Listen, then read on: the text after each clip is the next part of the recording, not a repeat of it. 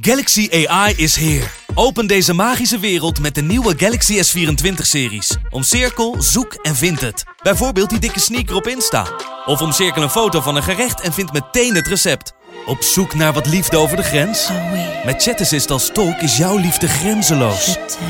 Maak vlijmscherpe foto's en bewerk ze als een pro. Met Photo Assist verwijder je al het ongewenst uit je foto, zoals lelijke reflecties of je ex. Bestel de Galaxy S24-series nu op samsung.com. Studio Socrates wordt mede mogelijk gemaakt door Unibed. Há muito tempo você está no meu caminho. Como posso esquecer?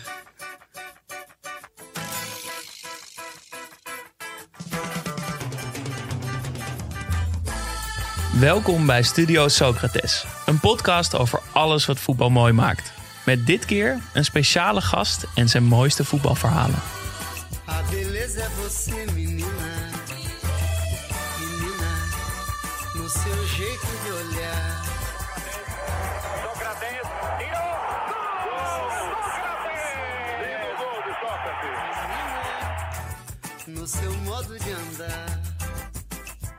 Maak het rijtje af. Klaas-Jan Huntelaar, Mounir El Hamdoui en Luis Suarez. Bij toetsen op de lagere school is het nu de bedoeling dat je de vierde naam abstraheert door de gezamenlijke delen te vinden van de voorgaande drie namen. In dit geval zijn we op zoek naar de topscorer van de Eredivisie in 2011. Ik denk niet dat er veel mensen zijn die op de naam Björn Vlemings komen. En toch is dat het enige juiste antwoord. Onze gast van vandaag is gelukkig een van de weinigen die deze vraag wel goed zou beantwoorden, aangezien hij nog steeds een Björn Vlemings dagboek bijhoudt. Een dagboek dat hij, samen met 33 andere wonderlijke voetbalverhalen, optekende in het heerlijke boek Doorspelen. Een boek dat de essentie van het voetbal en misschien wel het leven raakt. Welkom, Michel Dodeman. Dankjewel, leuk om hier te zijn.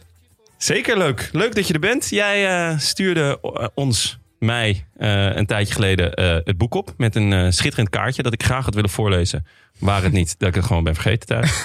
dus ehm, ja, met van, hey, ik luister graag. En ik denk dat je dit boek wel kunnen waarderen. Klopt, ja. ja ik ben inderdaad vaste luisteraar. En ik, ja, vind, ik, ik, ik geniet heel erg van deze podcast. En van verhalen over voetballers als Chris, de politieman. Waarvan je dan denkt, oh ja, die gast.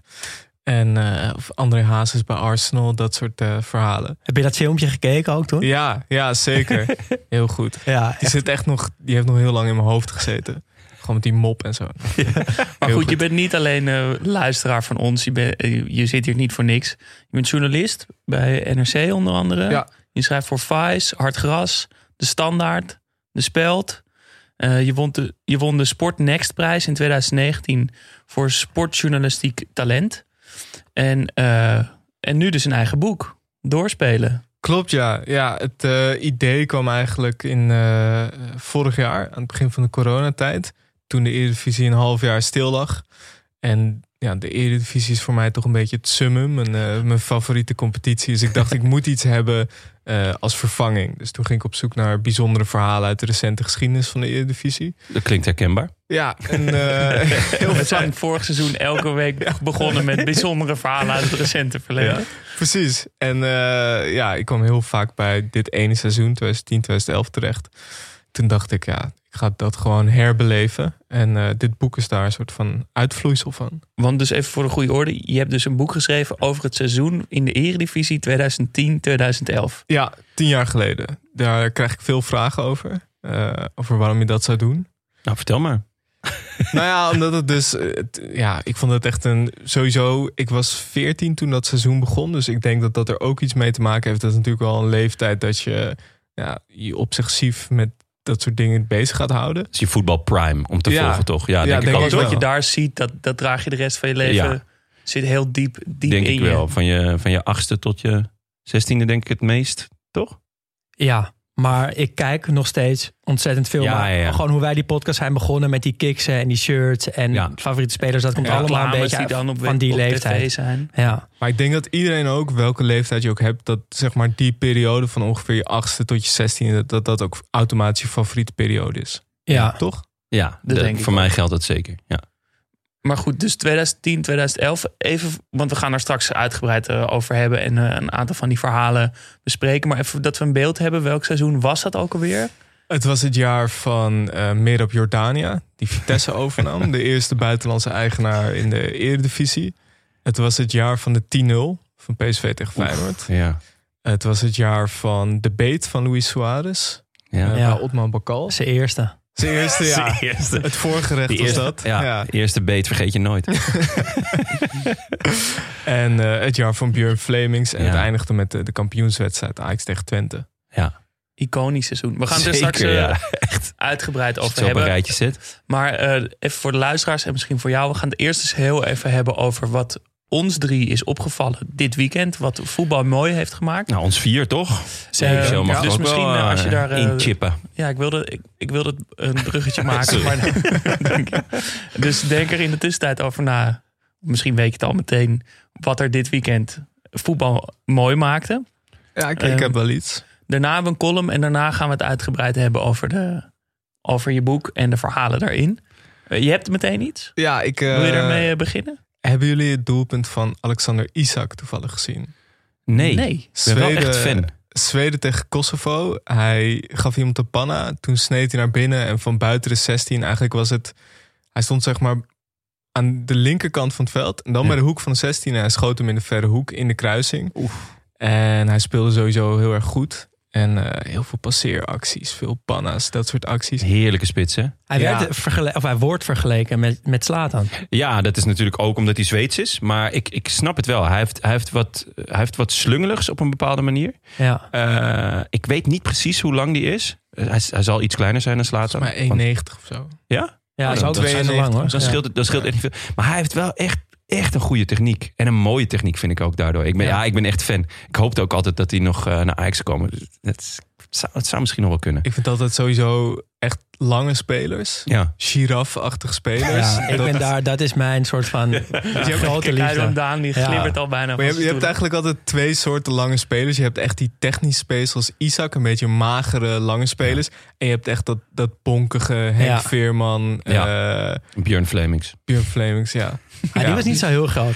Maar, Nee, die, maar van de ook maar wel sierlijke, groot. de sierlijke lange spelers, Ja. daar... ja, ik kom daar zo nog wel op. Ik heb, er zijn me er weer een paar opgevallen. Ja? Ja. En jij hebt ook meer de sierlijke, Michel. De, Ja. de sierlijke lang. Of kan je ook wel van de Henk Veermannetjes? Nee, ik kan van allebei wel. Echt de Jan Koller, echt gewoon het knallen met die kop. Daar, Ja. daar hou ik ook wel van.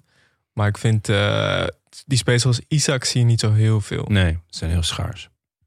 Mooi. Mooi, nou Goeie dankjewel. aftrap. Ik ga terugkijken. Het, eh, we vallen meteen door de mand. Dat we het niet hebben gezien. Ja, ik heb eh, alle wedstrijden van de Nations League gekeken. Wauw. Brengt jou dat Eh, meteen de- op, op, eh, Chapeau. op Ja. jouw moment? Nou ja, dat was dus echt ontzettend leuk. Ja? Ja, dat was echt heel Ik leuk. kan me er toch echt niet toe zitten. Nee, nou, dat, dat had je wel moeten doen dit keer. Oké. Eh, ik wil een paar dingen daarvan uitlichten. Eerste is dat ik toch nu echt mijn excuses aan Benzema moet gaan maken. Want ik heb heel lang volgehouden dat hij alles wel een beetje kan, maar niks echt goed. Maar kan eigenlijk gewoon echt alles goed.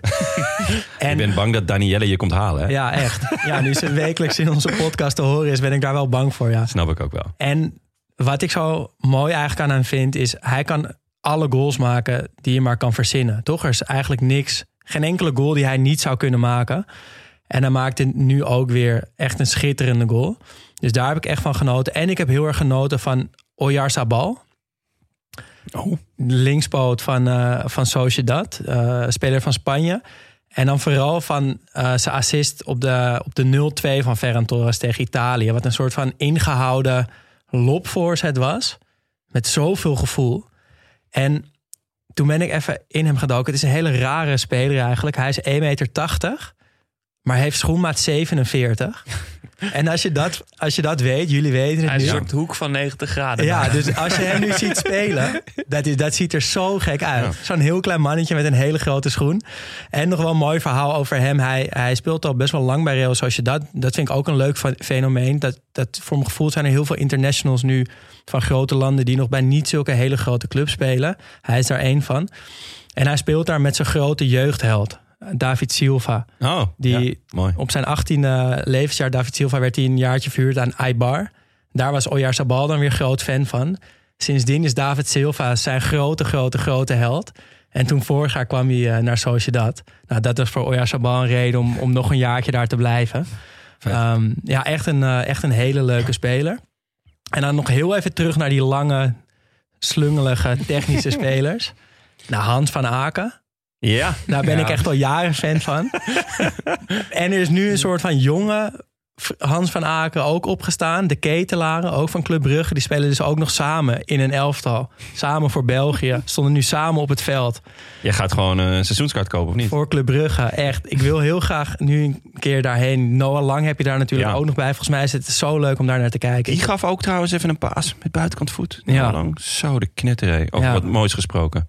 Ja, dus Club Brugge wil ik graag een keertje naartoe. En die twee spelers, ja, daar moet jij dan ook van genieten, Michel. Van Ja, twee. zeker. Ik vind sowieso de ketelaren... Ik vond de ketelaren en Salemakers allebei al Ja. prachtige namen. Ja, En ook echt eh, leuke, leuke spelers. België heeft wel echt veel talent aanvallend. ja. En dan kijk je achterin en dan zijn het nog steeds dezelfde spelers als tien jaar geleden. Ja, Ja. nog steeds Vertongen, nog steeds Alderwereld. Ja, ik heb een beetje een hekel aan Van Aken. Maar dat komt omdat die coach ooit zei dat hij beter was dan Frenkie de Jong. Ja, jouw, jouw liefde. ja, en sindsdien denk ik, ja, dat, Nee, dat mag niet. dat is ook niet zo. Dat maar is, het dat is ook is wel niet zo. heel- Het mag je niet, mag je niet vergelijken. Sindsdien Nee. heb ik een beetje een hekel aan Van Terug Aken. in je hok. Maar daar kan Van Aken zelf niks aan doen. Ja, nee, maar zelf toch, het doen. zit, zit, diep. Ja. Goed. Maar wat is jouw... eh, heb jij nog Nee. wat moois meegenomen? Eh, ja, maar daar komen we zo op, want ik heb daarna een bruggetje. Oké, oh, we, gaan eerst nice. naar, eh, we gaan eerst naar Je hebt Jonne. dus niet alleen een brugje, je hebt nu ook gewoon een weg ernaartoe. Ja, Schitterend. Je groeit echt in je rol. Mooi om te zien.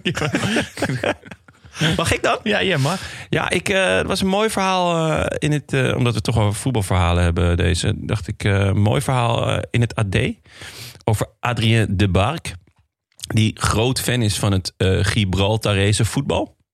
Er waren dus, ja, dat vond ik echt wonderbaarlijk. Maar alle fans die spelen ook, toch? Bij Gibraltar. nou ja, Dat is bij Ehm, Gibraltar. Als zij spelen is het altijd stil op straat. Maar dat is gewoon omdat het grootste gedeelte van de bevolking op het veld staat. nou ja, eh, leuk feitje. Ehm, er was, waren geen fans en journalisten mee naar, eh, naar de Kuip. Eh, want ze Ja, hadden die er... speelde dus. Wat zeg je? Ja, die, die speelden dit allemaal, want die hadden er nul fiducie in. Ehm, leuk feitje wel is dat de hele bevolking van Gibraltar had in de Kuip gepast. Als ze, gewoon, als ze mee hadden gewild, had het gekund. Ehm, hij zei van tevoren, er- stonden een paar jaar, eh, of een paar mooie quotes in. Hij heeft, hij heeft vijf jaar in Gibraltar gewoond. En hij reist nu dus achter Gibraltarese ploegen aan. Maar Dus- hij komt niet uit Nee, Gibraltar. hij is een Fransman en hij woont dus in Parijs. En had dus de schitterende quote... ik ga ook wel eens naar Paris Saint-Germain... maar die hebben al fans genoeg. Ah, En dat deed me denken aan een jongen waarmee ik ooit heb gewerkt... bij Concertgebouw. En zijn oom die ging elke twee weken naar de thuiswedstrijden van Telstar... onder het motto, die hebben ook fans nodig. Ja, dat vind ik echt schitterend. En... ehm, toen ben ik dus even nog in het Gibraltarese voetbal gedoken. En de meeste van die jongens die spelen dus bij de Lincoln Red Imps. Goeie naam. Ja, zeker. En die bereikte dus eh, eh, afgelopen eh, seizoen het, het hoofdtoernooi van de Conference League. Dus ze doen gewoon mee. Dus bij deze jongens, want we zouden nog een conference team eh, adopteren. En dat moet natuurlijk een beetje aan je groeien. En je moet een goed, goed idee erbij hebben. Nou, ik heb deze dus geadopteerd bij deze. Dus de Lincoln Red Imps zijn vanaf nu mijn team. En hij was dus laatst, die Adrien de Bark, was ehm, naar een uitwedstrijd gegaan tegen FC Kopenhagen. En dat was voor hem de dag van zijn leven, want hij had een andere fan ontmoet van Lincoln Imps. was gewoon een andere gast, die ook van de Lincoln... Ze hebben nu, er is nu een fanclub opgericht. Ja, ze zijn nu dus gewoon met, met twee. En eh, ja, ik vond dit echt een heerlijk verhaal. En ehm, ja, dus dat. En Achilles 29 voor het eerst in duizend dagen eh, hebben ze weer eens een potje gewonnen. Ze zijn natuurlijk eh, enorm gedegradeerd Ja. de afgelopen jaren. En wie was de coach, jongens? Denk paardenstaart, denk NEC. Eh, Pothuizen? Ja, zeker wel. Gewoon zijn eerste wedstrijd. En dan flikt het gewoon. Lekker, Ook hoor. dat is het potje. Dus eh, nee, dat was, eh, was veel moois dit weekend. mooi. Ja, ik, heb, ik, ik weet niet of het nou mijn moment... Nou, of wat, wat me opviel deze week nou erg samenviel met deze aflevering. Of dat toeval is, of dat ik daar ook op gefocust was... en daarom de voetbalverhalen meer opvielen deze week. Maar het was wel echt de week van de voetbalverhalen. Want niet alleen Vlekken zat bij de selectie... en lang in de, maakte ze debuut... Ehm, maar het was ook eh, de week waarin het verhaal van Iñaki Williams naar buiten kwam. De aanvaller van eh Athletic Club de Bilbao. Eh, die, zijn moeder heeft hem afgelopen maand verteld hoe zij vanuit Ghana te voet op de, door de woestijn heen hem naar Spanje heeft gebracht. En met ongelooflijk veel geluk in Bilbao terechtgekomen en een vergun, verblijfsvergunning gekregen. Dat wist hij zelf niet, dus hij kwam daar eh, deze week in een heel mooi interview eh, mee naar buiten. En het was de week van Junior Messias. Die eh, Schitterende naam. ja, schitterende naam die afgelopen week op zijn dertigste debuteerde bij AC Milan. En ehm, voordat ik dat verhaal ga vertellen, is dit dus ook het bruggetje. Eh, want het past meteen bij ons nieuwe item. We hebben namelijk een samenwerking met Klaboe. Daar zijn we heel erg trots op, want we zijn heel erg fan van ze. Ehm, we krijgen er geen geld voor, maar we, we vinden hun gewoon te gek wat ze doen. Ze verkopen namelijk hele mooie voetbalshirts. En met de opbrengst daarvan zetten ze voetbalscholen op in vluchtelingenkampen. En je kan die shirts kopen en daarmee eh, steun je dus dat vluchtelingenkamp. Ja. Paris Saint-Germain heeft nu ook een samenwerking met ze. De shirts zijn ook in FIFA te zien, maar niemand begrijpt precies wat het is. Maar dat zijn die shirts. Ja, ze hebben ook een winkel in, eh, in de Haarlemmerstraat in Amsterdam. En elke dinsdagavond sporten ze met allerlei, met een hele grote groep eh, ongedocumenteerde eh, asielzoekers, vluchtelingen. En daar kan je volgens mij ook gewoon aan meedoen. Elke week een andere sport. Dus doe dat. Super goede mensen. En hun motto is: Klaboe, join the club and unbeatable spirit. En we gaan dus elke week iemand nomineren die bij dit team van Unbeatable Spirit eh, hoort. Eh, en dat is deze week Junior Messias. En zijn verhaal is dat hij eh, dus nu 30 is, maar pas sinds een aantal jaar profvoetballer. Het is een Braziliaan die in Brazilië niet echt voet aan de grond kreeg. Het lukte niet, getalenteerd, maar ja, hij werd gewoon geen profvoetballer. Toen is hij naar Italië gegaan en illegaal baantjes gaan doen daar. Eh, en hij voetbalde op een gegeven moment een dag mee met een team vol met vluchtelingen. Een vriend van hem die zat erin en die zei: speel eens mee. En de, de coach van het team was Ezio Rossi, die op dat moment werkeloos was. En dus vrijwillig een vluchtelingenteam ging Maar dat eh, is een. Italiaanse trainer. ja, Of, ja, die is op het laagste, laagste niveau van Italië wel eens wat coachen, maar op dat moment zonder club zat. En dacht, ik ga gewoon, ik wil een beetje bezig blijven. En die zag Junior Messias die dag meedoen. En die, die, zei, die dacht, die gozer die heeft talent. Daar moeten we iets mee. Dus toen heeft hij afgesproken met Junior Messias. In de pauze van zijn werk als koelkastenmonteur of aan het sjouwen. Hij moest even tussendoor, had hij wat tijd voor Ezio Rossi. Ehm, maar, en Ezio Rossi wilde hem helpen om alsnog profvoetballer te worden. En toen zei Junior Messias, nee, dat heeft helemaal geen zin. Ik ben al veel te oud. Dat gaat nooit meer lukken. Een paar maanden later werd Ezio Rossi eh, coach van Casala in de kelder van de eh, Serie D. Het laagste niveau in Italië, profniveau. Speelde belde- daar toen tegen die uh, promovendus waar je het vorige week tegen had? Oh, nee, die waren toen al Oh, die waren toen al. Oké. Maar ehm, eh, hij kreeg het voor elkaar om Junior... Hij, het eerste wat hij deed als coach was Junior Messias opbellen. Zegt, ik heb een contract voor je klaar liggen. Peuterde een, een contract los bij de directie. En eh, Junior Messias werd alsnog weliswaar op een heel bescheiden niveau profvoetballer. Vet. Toen 26. En daarna eh, dus Casale in de Serie D. Toen ging hij daarna naar Chieri in de Serie D. Daarna naar Gozzano. Daarmee promoveerde hij naar de Serie C. Daarna naar Crotone. En die maakte Ah, promotie naar de Serie A. En op een of andere manier heeft AC Milan hem opgepikt. die moeten we hebben. Die moeten we hebben. Ja. En afgelopen week speelde hij zijn eerste wedstrijd. Wauw. Wat een dus bij deze verhaal. Junior Messias, Unbeatable Spirit. Ja, Je hoort bij ons Klaboe Klaboe keer Socrates team. Ja. join the klaboom. Vet. Ja, en neem dus echt even een kijk op die site. Ga even naar een Instagram. Je kan die shirts kopen. Eh, en wij mogen ook af en toe een, eh, een shirtje weggeven. Dus eh, nou, blijf luisteren. Wie weet, wie er eentje straks. Lekker. Ehm, dan nog heel even geduld, Michel. En voordat we naar ons hoofdthema gaan met jou en het boek doorspelen, hebben we eerst de, de column van Danielle Clivon. Die gaat vanaf nu dus elke week voor ons een column schrijven over iets wat met ons thema te maken heeft. En deze week gaat het over, niet over de Eredivisie 2010-2011, maar uit een wedstrijd uit de Premier League 2010-2011. Maar met een speler die in Michels boek een, eh, een hoofdrol heeft. Witte sokken brengen geluk. Althans, dat denken ze in Newcastle. Daarom hebben de sokken van de Newcastle United spelers altijd wel een wit accent. Een witte trim, witte biezen of witte strepen. Niet geel wit, maar wel een beetje. Op 5 februari 2011 was het bewolkt en miserig in Newcastle. Een typische Engelse nawinterdag, grijs en grauw. Na gelijke spellen tegen Tottenham Hotspur en aardsrivaal Sunderland waren de Magpies wel toe aan winst. En dus op hun semi-witte of quasi-zwarte sokken gingen ze ervoor. Voor de winst tegen Arsenal.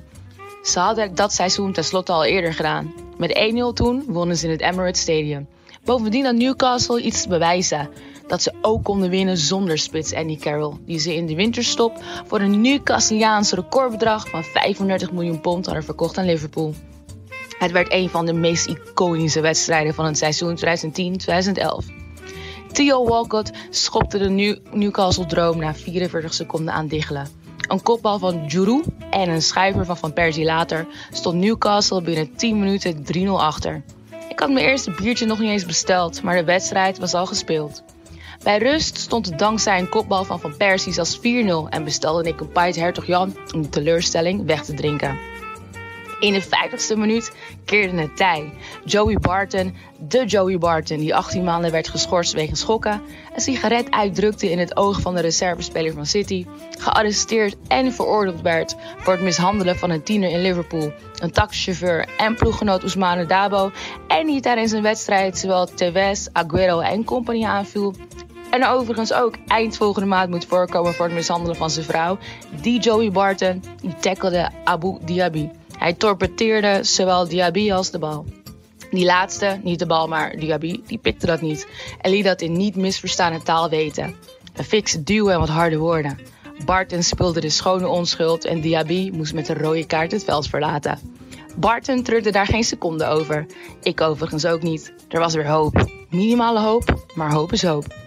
Wat volgde was een rollercoaster. Vergelijkbaar met Chelsea-Ajax een paar seizoenen geleden. Alleen dit keer stond ik aan de goede kant van de score. De team van Arsenal konden geen vuist maken tegen de 11 van Newcastle. In de 69e minuut benutte Joey Barton een penalty. En toen Leon Best de 2-4 langs de keeper schoof en Barton daarna nog een penalty benutte, was de comeback een feit. Het werd zelfs nog mooier, want opeens was daar in de 88e minuut Sheikh Tiote. Met een belachelijk mooie volley met zijn linkervoet maakte hij er een gelijkspel van. Incredible, astonishing, sensational. De Engelse commentator kwam superlatieven tekort en ik stond zowat op tafel.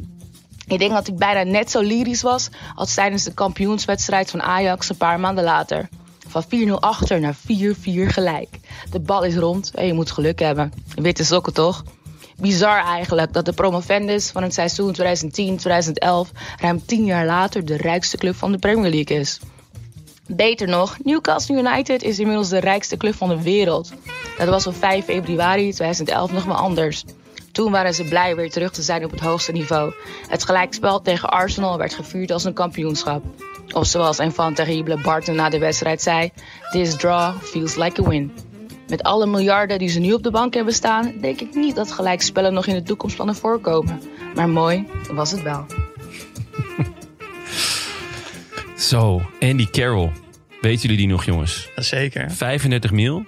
En dat was volgens mij dezelfde transfer, transferperiode als dat ze Suarez kochten. En het frustreerde me echt enorm dat hij gewoon duurder was.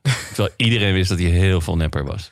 Ja, die is over, echt soort van overal mislukt uiteindelijk. Oh man, verschrikkelijke spelen. Maar heerlijke column weer. Ja, Het en klinkt wel alsof we Daniel een keer kunnen uitnodigen voor een heel, hele aflevering aan Joey Barton. Ja, Bad boy Barton. Heerlijk. Heb je dit seizoen in de Premier League ook zo gevolgd? 2010, Niet 2011? zo Of ben je echt puur gefocust op... nee, De puur, Eredivisie. puur wel Eredivisie, maar eh, ik, ik hou ook wel erg van de Premier League. Newcastle ook wel zo'n klassieke club. Zeker nu ook wel leuk om te volgen. Ja, dat, Ja, wordt, dat wordt wat. Ja. Zijn we er enthousiast over? Of eh, vinden jullie het net zoals ik verschrikkelijk? Ja, verschrikkelijk. Ja, Omdat het niet in verhouding staat meer ook. Ja. ja, en het is toch gewoon een ongelofelijke boef die die club, club koopt. Ja, is dat die gast die, eh, Ja, die, journalist een stuk heeft gesneden? Want Ja, even goed. voor iemand die het nog niet eh door heeft waar het over gaat. Newcastle wordt overgenomen door... Ik, ben, ik weet de naam even niet. investeringsfonds uit Saudi-Arabië. Ja, en Ja. daarmee zijn ze in één klap tien keer eh, meer waard 32 dan keer- Manchester City. 32 keer Ja. rijker. Maar dat, dat vind ik ook wel een beetje het eh, ding waar ik een beetje eh, verdrietig van word bijna. Daar, daar schreef Rory Smith ook over in de New York Times.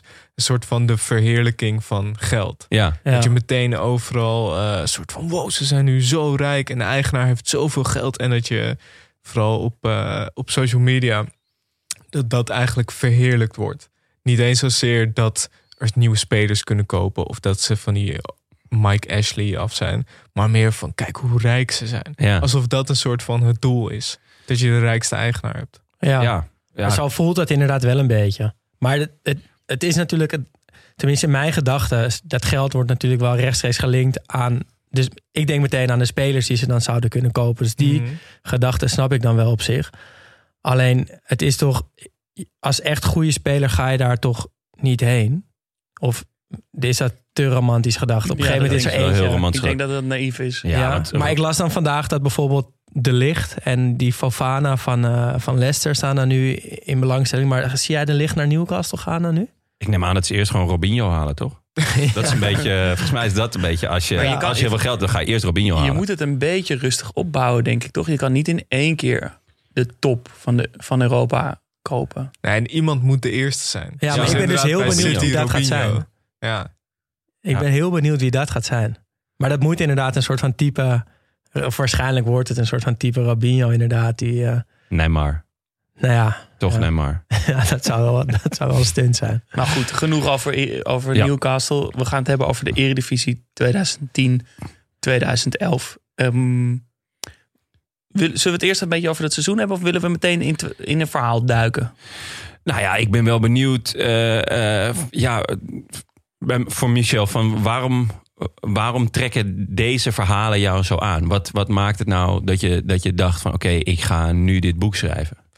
Ehm, nou ja, het, sowieso heeft het dus Verveling? te maken... ver- verveling, ja. Heel veel tijd. Ja, heel veel en, tijd. Je zit nergens- thuis. Ja, ja. Nergens heen kunnen. Ja, het, het heeft sowieso dus wel te maken met mijn leeftijd, denk ik. Dat dit gewoon voor mij een soort van de ultieme periode is. Maar het heeft eh, denk ik ook een beetje te maken... dat dit voelt nog een beetje als voor mij dan als de laatste jaren... van dat er best wel echt werd aangerommeld in de Eredivisie. Vooral ook met Ajax natuurlijk wel als het beste voorbeeld. Zeg maar in de, de Jol-jaren en ook wel de, de boerjaren. Dat spelers allemaal op de Bonnefoy kwamen. En dat je, Ja. ja, zeg maar de zoekachtige verhalen. En eh, ik heb het idee dat dat nu toch minder is. Dus ik zou denk ik nu niet meer over bijvoorbeeld afgelopen seizoen zo'n boek kunnen schrijven. Maar dat zegt volgens mij iedereen die... Die verhalen blijven toch volgens mij bestaan... Elk, elk seizoen opnieuw. Ja, zeg maar nog steeds wel. Er zijn nog steeds wel interessante verhalen te vertellen over bijvoorbeeld Ajax. Maar de manier. Ik, ik bedoel meer van het, sch- het schuift altijd een beetje op, toch? Ja, Elke dat- generatie staat er weer iemand op die zegt: nee, dit is het mooiste. En hierna wordt het al, is het allemaal minder geworden. Ja, waarschijnlijk eh, zit hier over tien jaar een andere roodharige jongen die zegt van nee, maar 2021, eh, 22, Ja. dat was het vetste. Nee, dat is ook zo. Ik denk dat het ook echt wel een eh Nou ja, iets ik- gevoelsmatigs is. Ik moest, eh, toen ik dat boek las en, en eh, even de, de achterflap als eerste. Toen, en dan even die hoogtepunten, die we dus net ook noemden. Zo, sorry. Eh, dat was echt, dat ik dacht, wow, is dat allemaal in één seizoen gebeurd? Ja. Dat is wel echt wonderbaarlijk. Want dan hebben we nog niet eens de Dimitri Boulikins eh, van deze wereld benoemd. Eh, en de, ja, ik- het is wel heel veel gekkigheid. Ik bedoel, er is niet, het is niet dat er daarna nog iemand gebeten is. Of die kampioenswedstrijd was natuurlijk te absurd voor woorden. Ja. Hoe, hoe dat eh, uitpakte uiteindelijk. Of inderdaad, ja, ja, mijn favoriet is toch echt Björn Flemings. ja, Die echt volgens, in mijn hoofd nog steeds niet kan voetballen. Maar ja, haat er wel gewoon op een gegeven moment 23 in liggen. ja, het Dus- is ook een soort van allemaal toevalligheden, denk ik. Ja.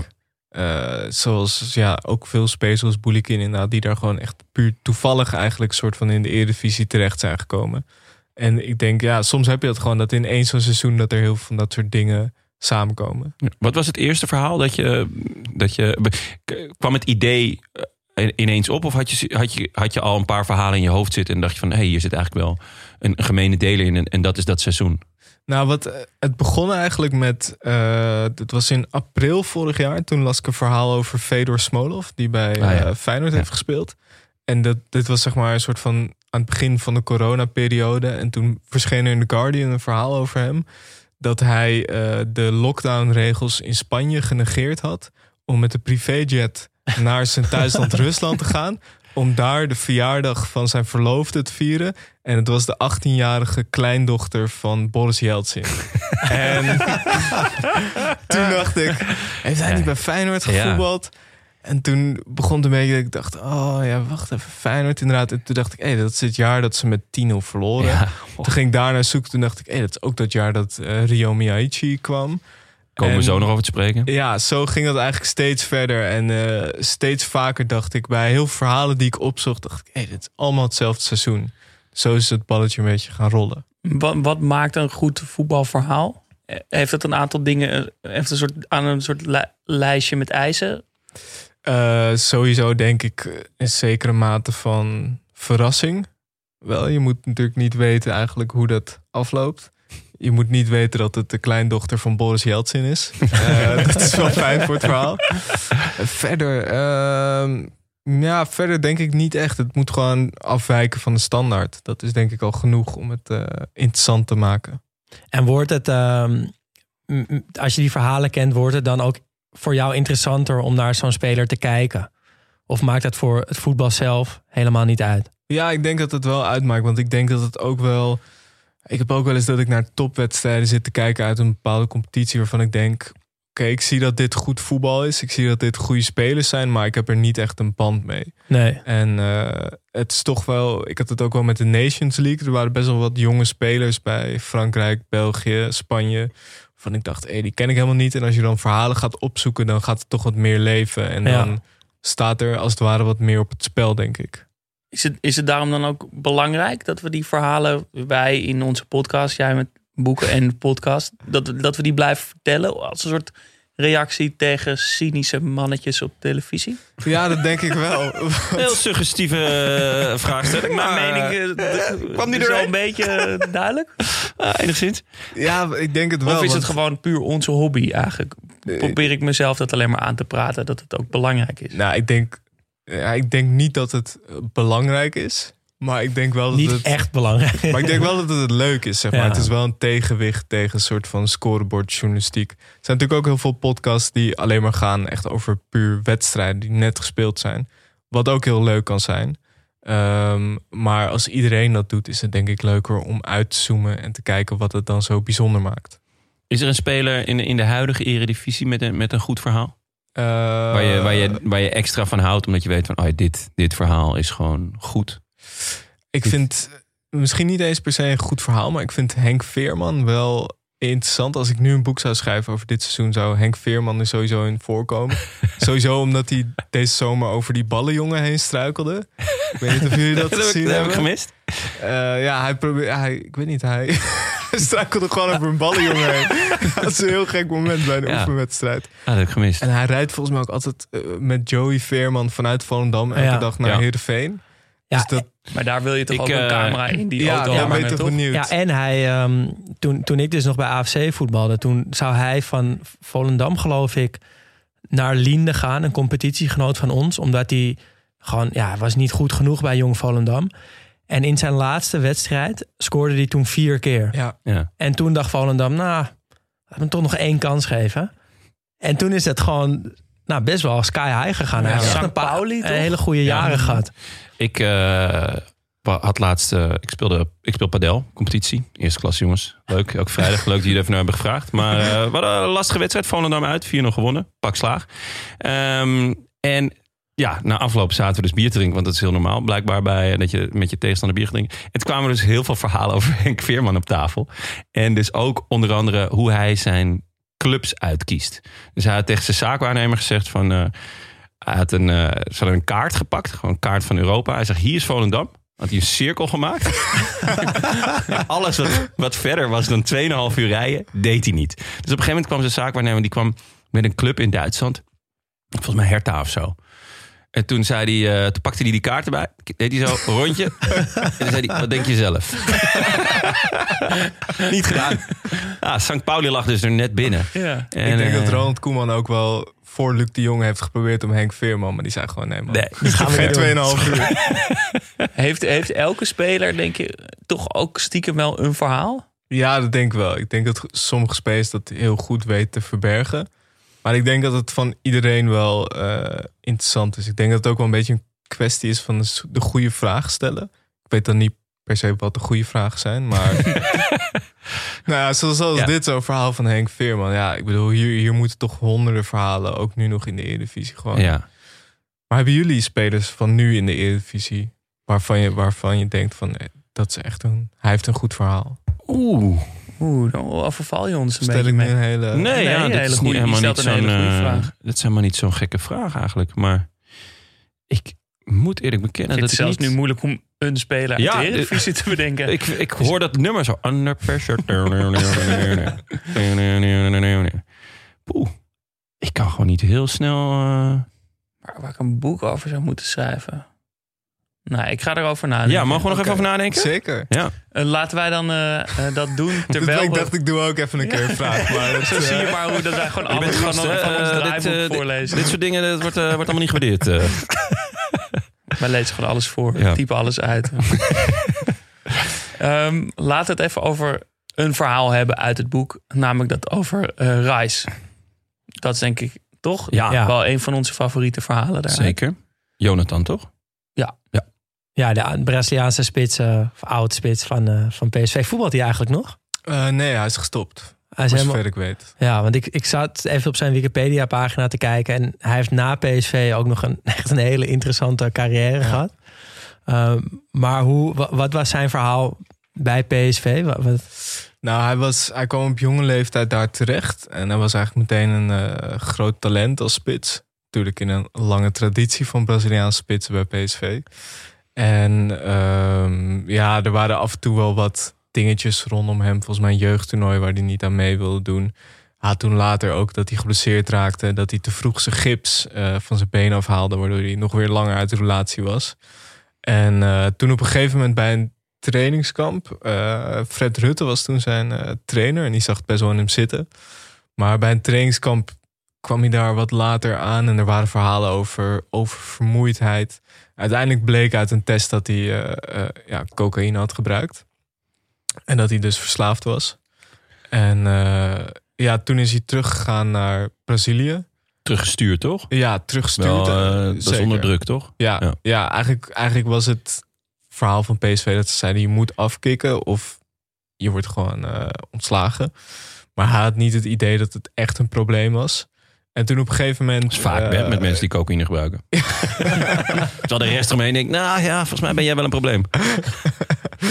Ja, toen op een gegeven moment voor hem kwam het keerpunt toen eh, een jeugdvriend van hem eigenlijk voor zijn ogen werd eh, doodgeschoten.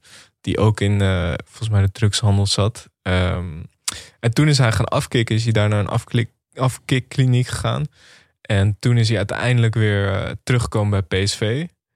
Toen heeft hij een hele goede periode gehad waarin alles wat hij aanraakte veranderde in goud. Ja, En toen leek het er toch uitkomen. En toen, eh, ja, toen is hij eh, zwaar geblesseerd geraakt. echt een verschrikkelijke blessure. Hij kreeg een duwtje, Ja. geloof ik. Het was een duel in het Ja, het was strafgebied. een duel met de keeper. keeper. En de keeper Ja. kwam eruit. Oh man. er is een foto van dat Ja. je ziet dat die keeper op zijn knie valt en dat zijn hele knie Ja. scheef staat. Maar wat ik ook mooi aan dit verhaal vond, was de bijrol van eh, Fred Rutte. Fredje. Ja, Fred ja Rutte. precies. Ja. Waarschijnlijk noemde Jonathan hem echt zo. ja. dat, volgens mij heeft hij er wel een handje van om, eh, eh, om mensen een tweede kans te geven en om te gaan met, met dit soort types. Want ik heb ook een keer een podcast met Wim Kieft geluisterd, waarin Fred Rutte ook degene was die zei van volgens mij heb jij een probleem en volgens mij moet je naar hem en hem toe. De eerste waar Kieft naar geluisterd heeft, want nee, is hij toen echt gaan doen. En met de reis had Rutte dus blijkbaar ook die invloed. Dus als je een cocaïneprobleem hebt, Ja, of een je? drankprobleem. Bel You gonna Fred Rutte. call. Fred Rutte. Ja, maar ik vond dat ook nog wel een mooie soort Ja. van zijpaadje Ja. van dit verhaal. Ja, Ja. ja. hij komt altijd. Fred Rutte komt eigenlijk altijd heel sympathiek Ja. over. Ja. Ja, altijd dit soort Een hele lieve man. Ja, Ja. ja en eh, Reis kwam nog wel een keer terug toen nog naar, naar Nederland. Want hij, Ja. hij, is, hij is gaan revalideren, toch? Ja, hij is gaan revalideren. Toen, eh, later heeft hij nog bij Vitesse gespeeld. Dat kan ik me ook nog, eh, Ehm, nog herinneren. Dat was niet, ja, dat was een redelijk succes. Ja. Maar eh, Werd- ja, Werd hij wel nog uitgefloten? ja, Door ja. de Door de supporters van ja, PSV. volgens mij werden er toen ook nog zakjes poedersuiker op, op het veld gegooid. Vind ik dan ook wel weer geestig ergens. Ja, Voetbalhumor. voetbalhumor. en tussendoor heeft hij ook nog wel een, een eh, ja, terugslag gehad bij PSV. Dat hij met eh drank op achter het stuur werd eh, opgepakt. Ja. In, eh, waar was dat? Weert, geloof ik. Ja, ik snap wel dat je daar gaat drinken. ja. Maar ik zat, ik zat even op zijn Instagram pagina en eh, hij heeft dit niet volgehouden. Nee? Op elke foto heeft hij een biertje in zijn hand ongeveer. Ja. dus dat is niet helemaal gelukt. En ik vond het heel, heel vet dat hij in Japan is gaan voetballen nog daarna. Ik vind dat altijd zo'n wonderlijke combinatie. Die hele vrije Brazilianen. Die leven met de dag en dat hele gestructureerde leven van de Japanners.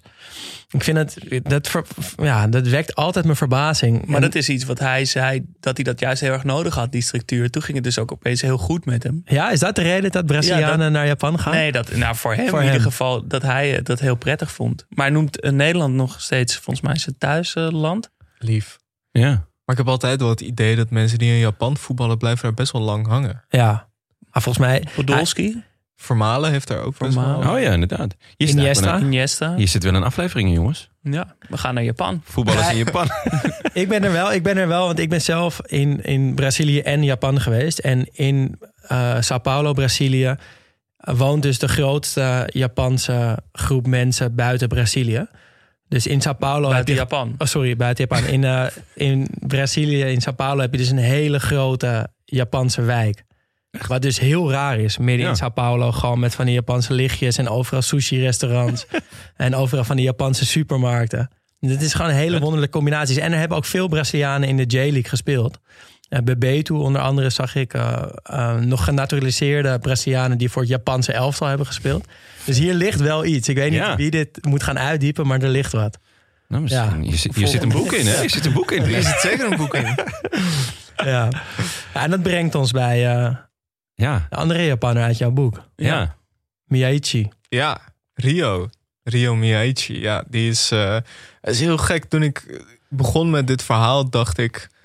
Ik had het idee van hij heeft een seizoen bij Feyenoord gespeeld of zo. Dat dacht ik wel, van Ja. wel een wedstrijd of 30. Dacht ik al. Eh, maar het bleek er volgens mij 12 te zijn. Ja, veel minder hè? ja.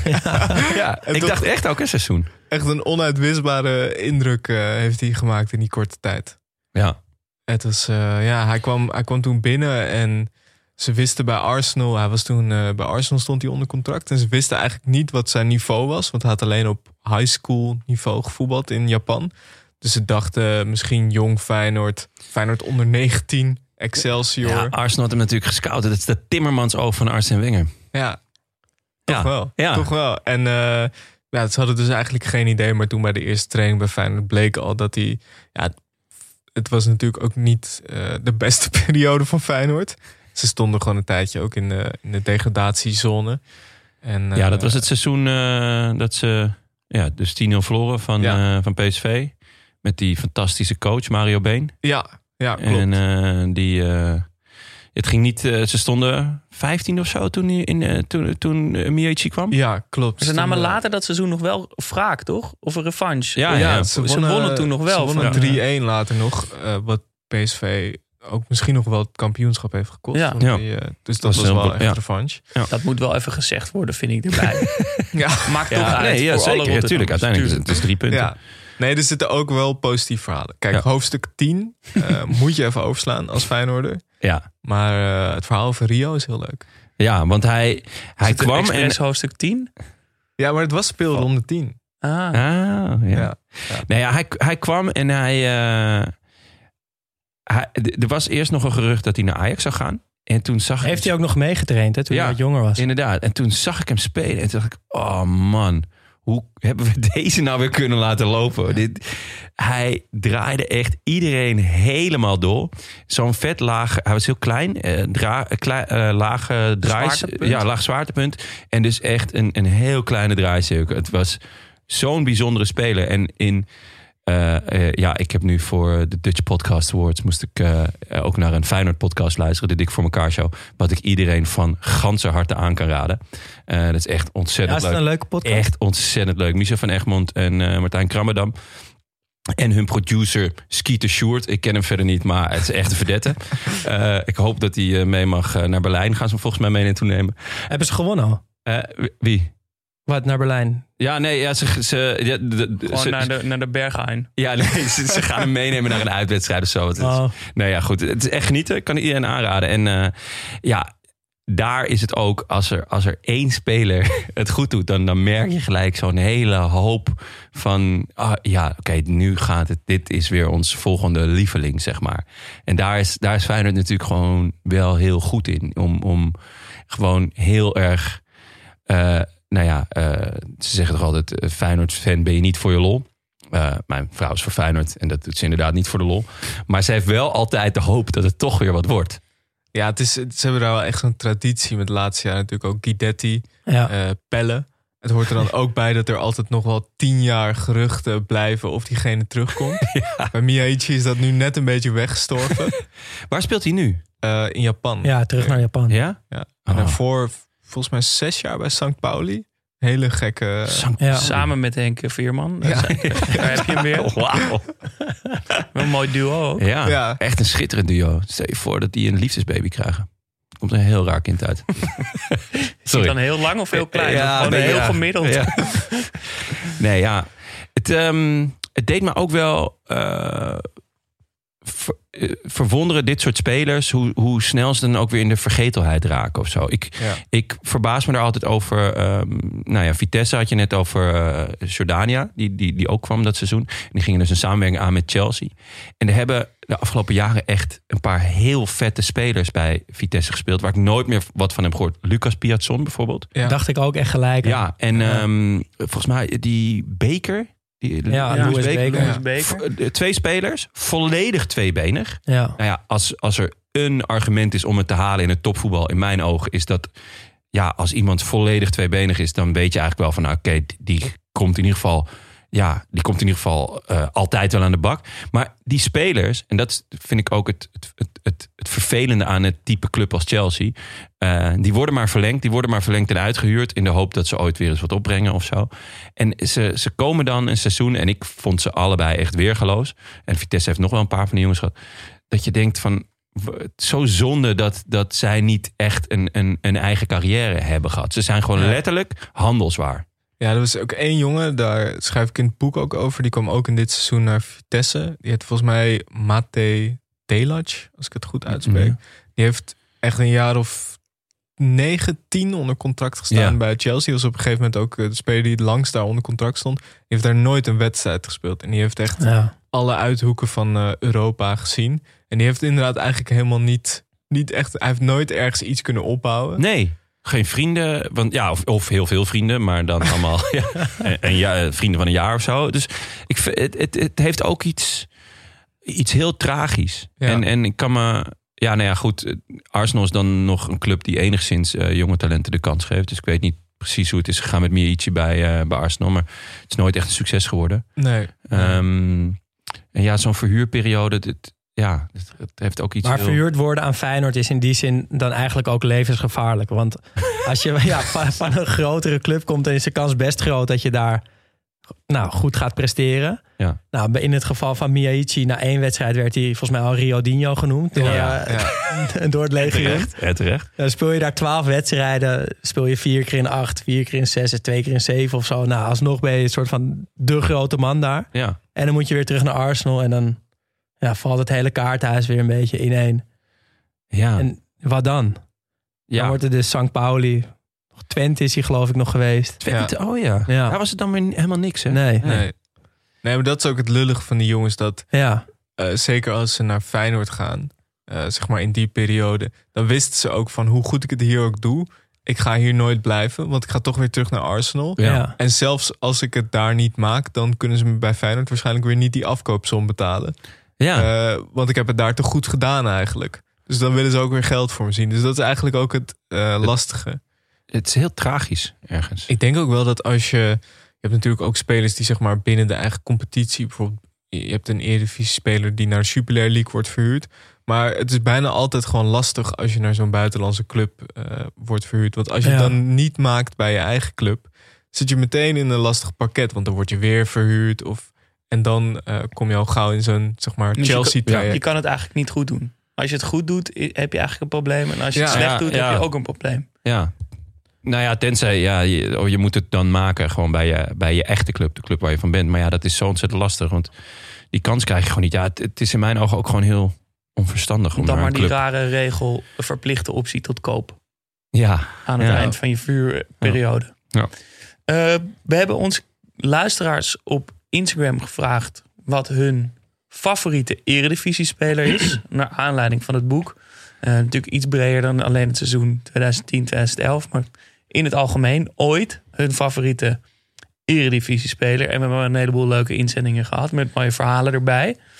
Eh, Richard, eh 13, zegt Arnold Scholten vanwe- vanwege zijn bijnaam.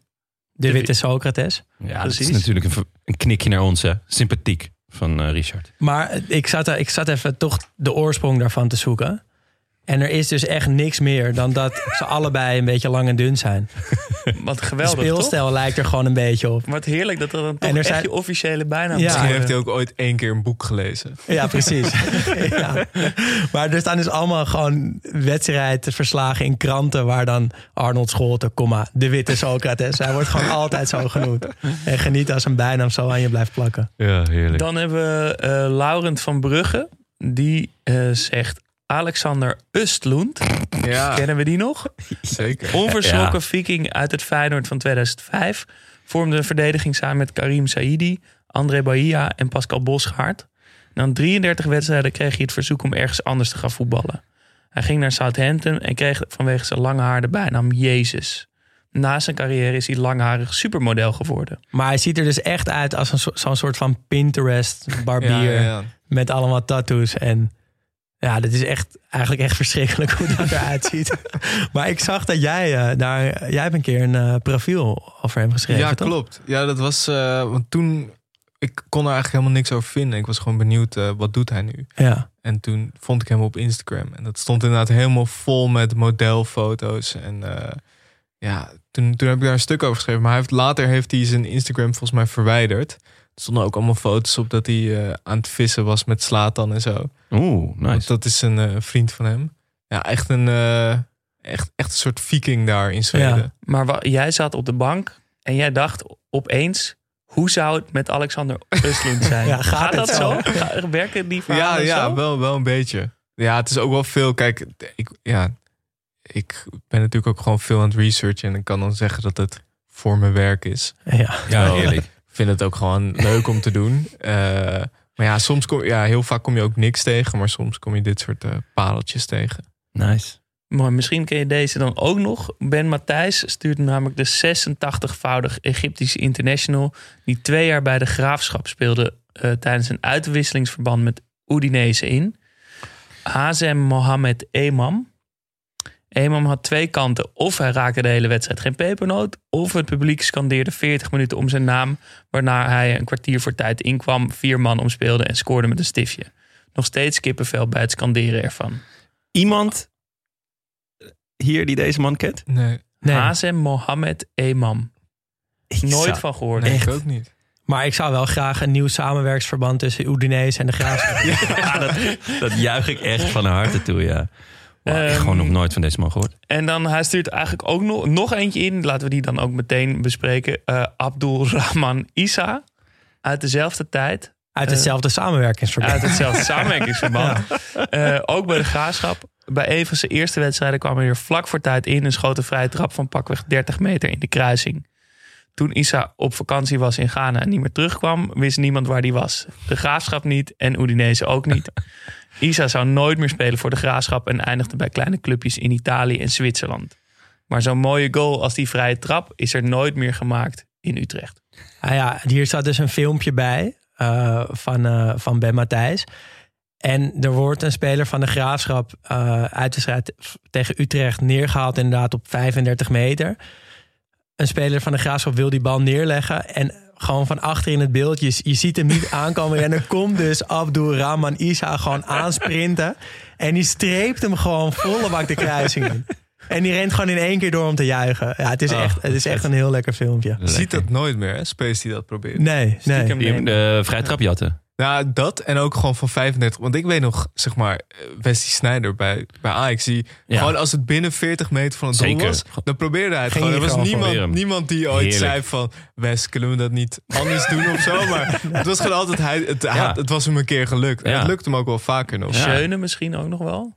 maar Ja. Dat, dat zie je eigenlijk nooit Nee. meer. Nee, Jammer ja, is dat. echt zonde. Of dat tikje opzij en dan schieten. Die zie je ook Ja, steeds. ja, dat er een, een Met zo'n verdediger ja. aankomt gerend. Met zo'n heel lange aanloop. Ja, En dan altijd in de muur. Ja. laag, hard. Ehm, ja, we, we zijn natuurlijk net een beetje door de mand gevallen... met dat we geen antwoord hadden op jouw vraag... Wat, waar we een boek over zouden willen schrijven. Maar misschien toch leuk om aan ons ook even de vraag te stellen... wie onze favoriete Eredivisie-speler aller tijden is. Ja. ja, ik weet niet of het per se mijn favoriete speler is. Want dat is wel. Dat is dan heel erg gekleurd op wie is nou heel goed in voetbal en zo. En dat was een beetje saai. Ehm, maar waar ik nog steeds hele warme gevoelens bij heb, is bij Yoon Yoon Sook. En dat verhaal kennen we allemaal, dus dat ga ik niet nog een keer vertellen. Maar ik vond hem dus echt een goede voetballer.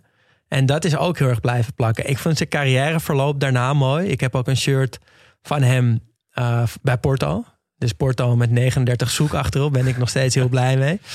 En ik heb op een of andere manier, kwam er ook weer achter bij Miyaichi, een beetje een zwak voor Aziatische aanvallers. Het liefst dan in de Eredivisie. Je had ook een tijdje die, die zang, die spits van Vitesse. Ja, die was matig, man. Ja, die was heel matig. Die was maar echt ik, matig. het intrigeert me gewoon. Ze, Ja. ze lijken altijd een beetje verdwaasd of zo. Van, huh, hoor, ik- hoor ik hier nou te zijn of Huh? niet? Ik hier? Ja, en er zijn er gewoon niet zoveel van. Dus het is echt nog een beetje zo van... Huh, een spits uit China of huh, een spits uit Japan. Hebben ze, daar, hebben ze die daar dan?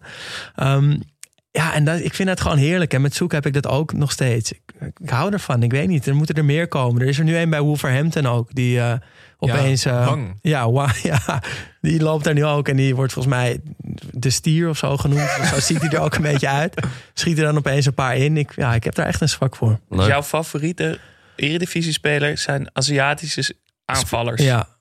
ja, dus als je er nog meer weet dan zoek en zang, laat het me Het is weten. wel een flinke niche. Ja, het is echt een niche. Ja. ja, maar dat is goed, toch? Ja, Ja, dat zeker. is goed cult. En jij, Jonne? Ja, ik heb het volgens mij al eerder eh, over, eh, over hem gehad in deze podcast. Ik denk bij de voetbalnamen, maar het is eh Purl Frenkel. Met A. Umlaut, zoals we allemaal weten. Ehm, ik heb er ooit een, een hele fijne, heel fijn huis aan overgehouden. Eh, ik had een jongen, die, die kende ik via via en die zocht een, een huisgenoot. En ik wist dat het een goede gast was. Maar ja, we hadden nog niet zo heel veel in common. En toen eh, ging ik even een hapje bij hem eten om te kijken. Nou ja, gaat, kunnen wij samen wonen? Gaat dit eh, chill zijn? En ja, toen kwam eh, eigenlijk vrij rap Purl Frenkel ter sprake. En eh, die had toen nog echt een heel vette website. Ik denk niet dat hij hem zelf bijhield, maar eh, dat was uh, www.purl.nl. En dat was gewoon, ja, dat was gewoon, die, dat was duidelijk door iemand gewoon zelf in elkaar geknutseld. En dan had je gewoon de P en dan kan je dan op, op, kli- op klikken. en dan stond er zo, de P staat voor Purl. en voor de paal. En voor de paal, waar die altijd zo chill tegenaan leunt bij een corner. en dus elke, elke letter was dus een eh, ding. En dat, Wat was dan de Nee, nee, het was uh, Purl alleen. Dus de, de dat waren ze redelijk. eh, dat, dat probleem hadden ze vroegtijdig getackled.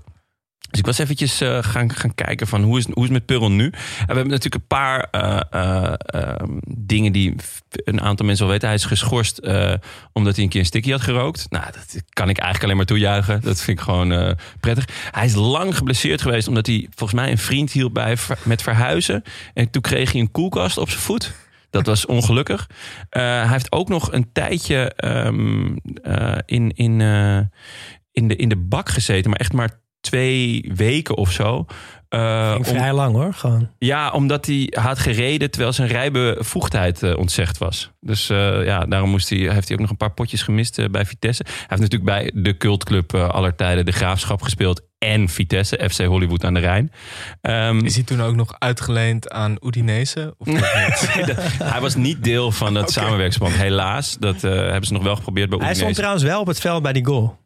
Ja? Ja, die oh. ik net omschreef. Ja, ja. Dat zag ik toevallig. Waarschijnlijk bij de eerste paal. Moest ik nog aan je denken. ja. En um, hij is uh, na zijn carrière, voetbalcarrière, is hij beland bij Duno. Eh, hij dacht, eh, hij wou, eh, dat had ik ook gelezen, dat hij stopte bij de Gaas. Want dat was wel erg ver. En hij ging dan in, in Amsterdam. Dacht hij, nou pak ik dadelijk een hoofdklas, ga ik dadelijk voetballen. Maar toen vroeg een vriend van hem, eh, met wie hij nog eh, eh, bij Vitesse had gespeeld, van hey, eh, wil je niet een keertje meekomen doen bij eh, Duno? Eh, hij zei, nou ja, oké, ik kan wel een keer komen kijken. hij zei, ja, het was, het was helemaal niet een eh, imponerende club of zo. Best wel oud, gaar clubgebouw. Speelde vierde klasse onderbond. Maar ja, ik dacht, waarom niet? En Toen dacht ik, dat is echt een heel chille instelling. Dat is echt typisch Purrel. En hij dacht gewoon, ja, waarom niet? En eh, toen is hij dus vier keer kampioen geworden met, met Duno. Is op een gegeven moment ook assistent geworden. Hij is gepromoveerd naar de, naar de hoofdklasse met Duno. Ja, fucking gruwelijk.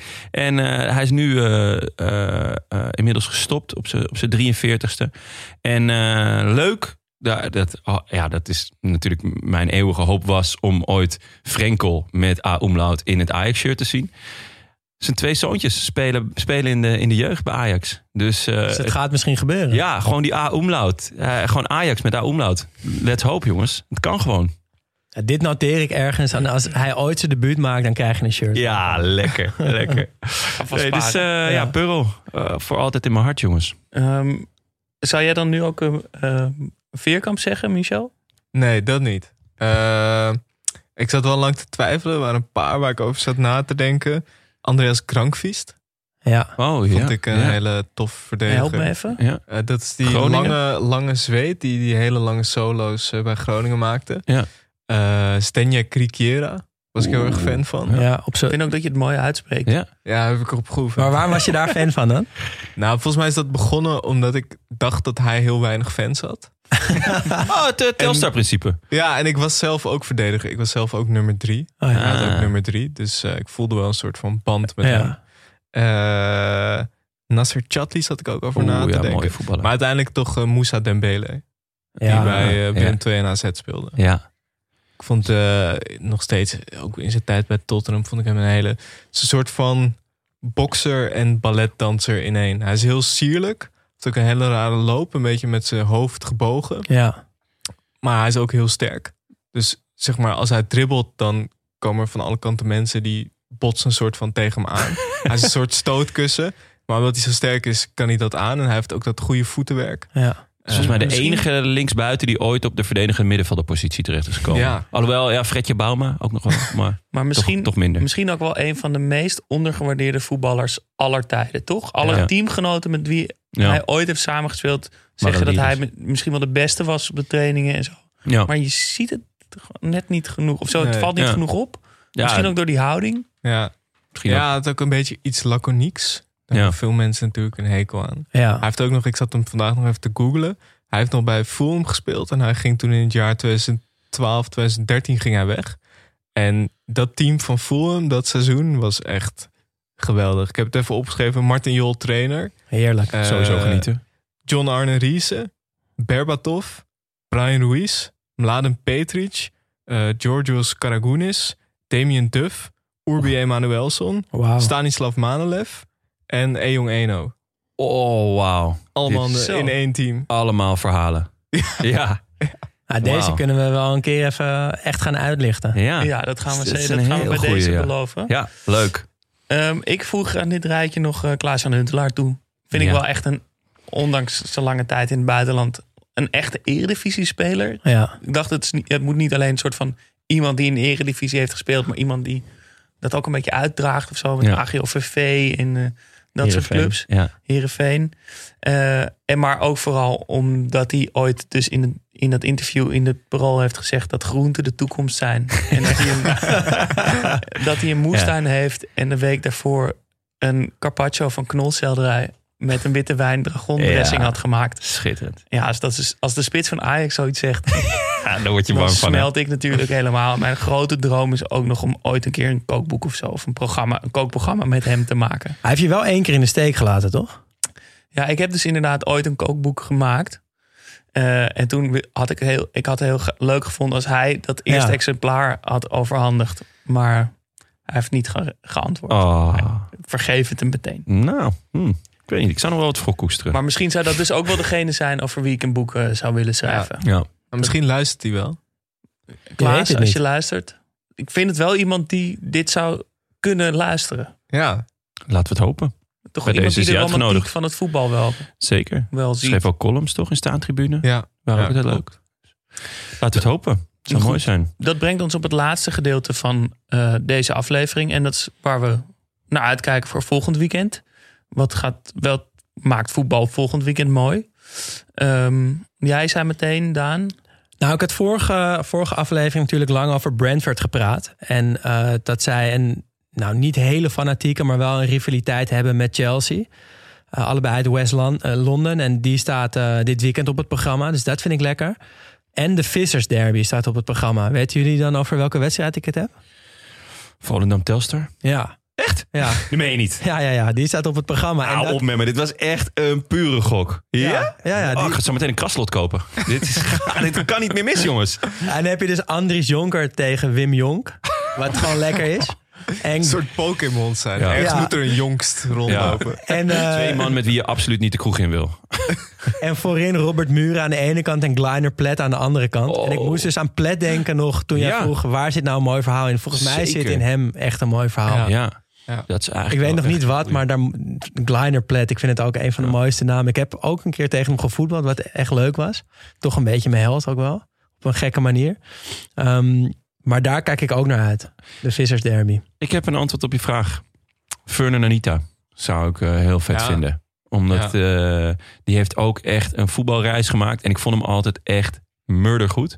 Eh, vanaf het moment dat hij op 6 ging spelen bij Ajax ging het echt ineens lopen.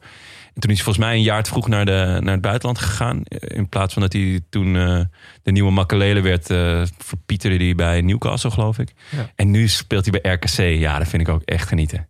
En hij schijnt daadwerkelijk te, te kunnen rappen. In Ja. tegenstelling tot vrijwel alle andere voetballers die dat En proberen. hij schijnt even hard achteruit als vooruit te kunnen rennen.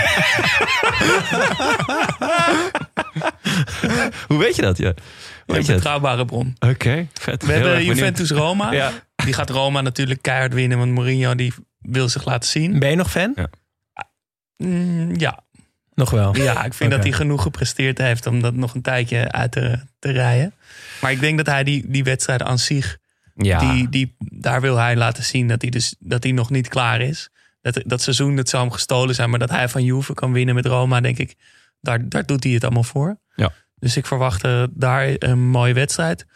En eh, natuurlijk eindelijk de Gelderse der- derby weer. Vitesse NEC. ja. Heb jij ook nog een mooi verhaal over in je boek, toch? Ja, zeker. Schitterende 0-0. Ja, ja, echt een bloedeloze 0-0. Dat was toen eh, Albert Ferrer eh, net binnenkwam. Oh ja. Ja. Met de Cruyffiaanse filosofie waar niet heel veel van terecht kwam. En ja, het gaat, eh, gaat daarover eigenlijk over wat, wat gebeurt er als je rivaal wordt overgenomen. Want natuurlijk bij, we hadden het over Newcastle. Ja. Voor Sunderland moet dat ook gek zijn. Als Ja. je ziet dat eh, je, je rivaal eigenlijk de loterij heeft gewonnen. Terwijl je zelf eh, ja, met die camera's om je heen in de derde divisie eh, Ja. zit. Ja, Sunderland till I die. Ja, Daar zijn ze best wel dichtbij. ja. toch? Ja. Ja, Ja, dat, is geen, dat is dan gewoon geen rivaliteit meer. Dat Nee, ligt dan nee. te ver uit elkaar. ja, dat sterft dan gewoon. Wat natuurlijk gewoon eeuwig zonde is. Maar ja, hij is er weer. Vitesse NEC.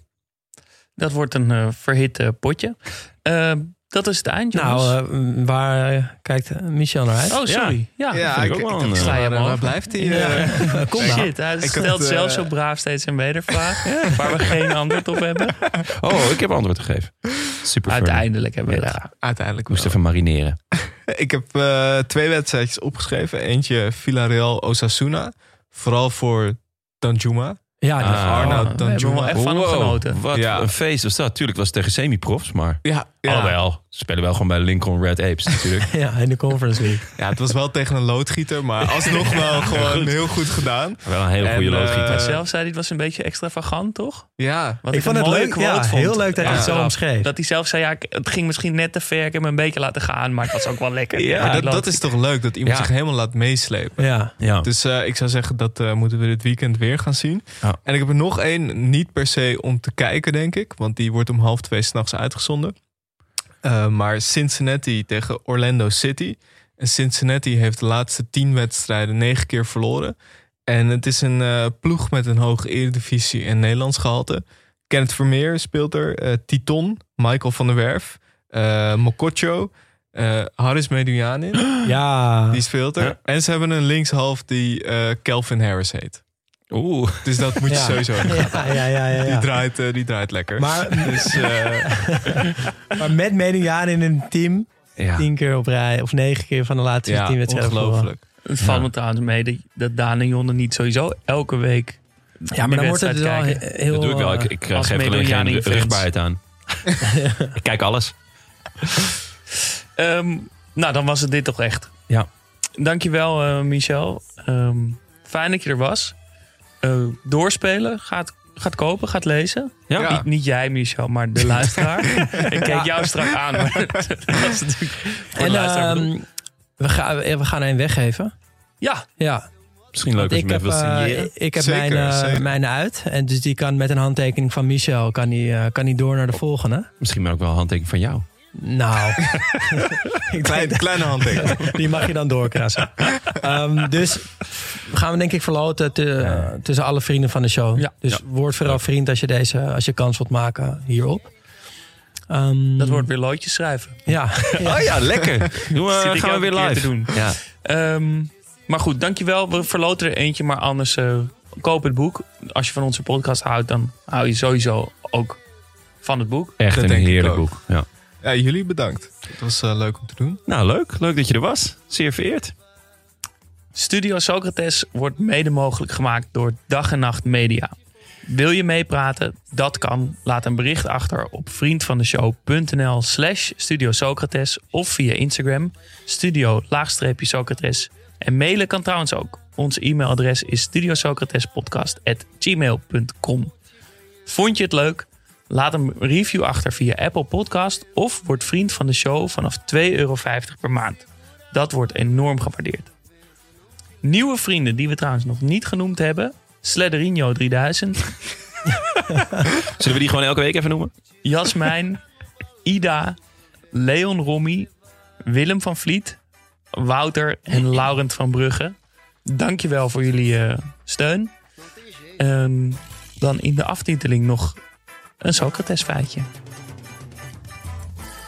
Socrates was niet de enige succesvolle voetballer uit de familie. Ook zijn jongste broertje, Rai Sousa Vieira de Oliveira, roepnaam Rai, kon een aardig balletje trappen. Hij had een schitterende carrière bij Sao Paulo, Paris Saint-Germain en het nationale elftal. Met Paris Saint-Germain won hij onder andere de landstitel en de UEFA Cup. Hij is nog steeds een van de populairste oudspelers van PSG ooit. Met de goddelijke Canaries lukte het hem wat zijn vader in 82 niet lukte. Hij won het WK met Brazilië. Net als zijn vader reikte zijn interesses verder dan het voetbalveld. Ook Reis zette zich tijdens en na zijn carrière in voor de goede zaak. Onder andere met zijn stichting Golden Letra, die onderwijs toegankelijk maakt voor kansarme jongeren.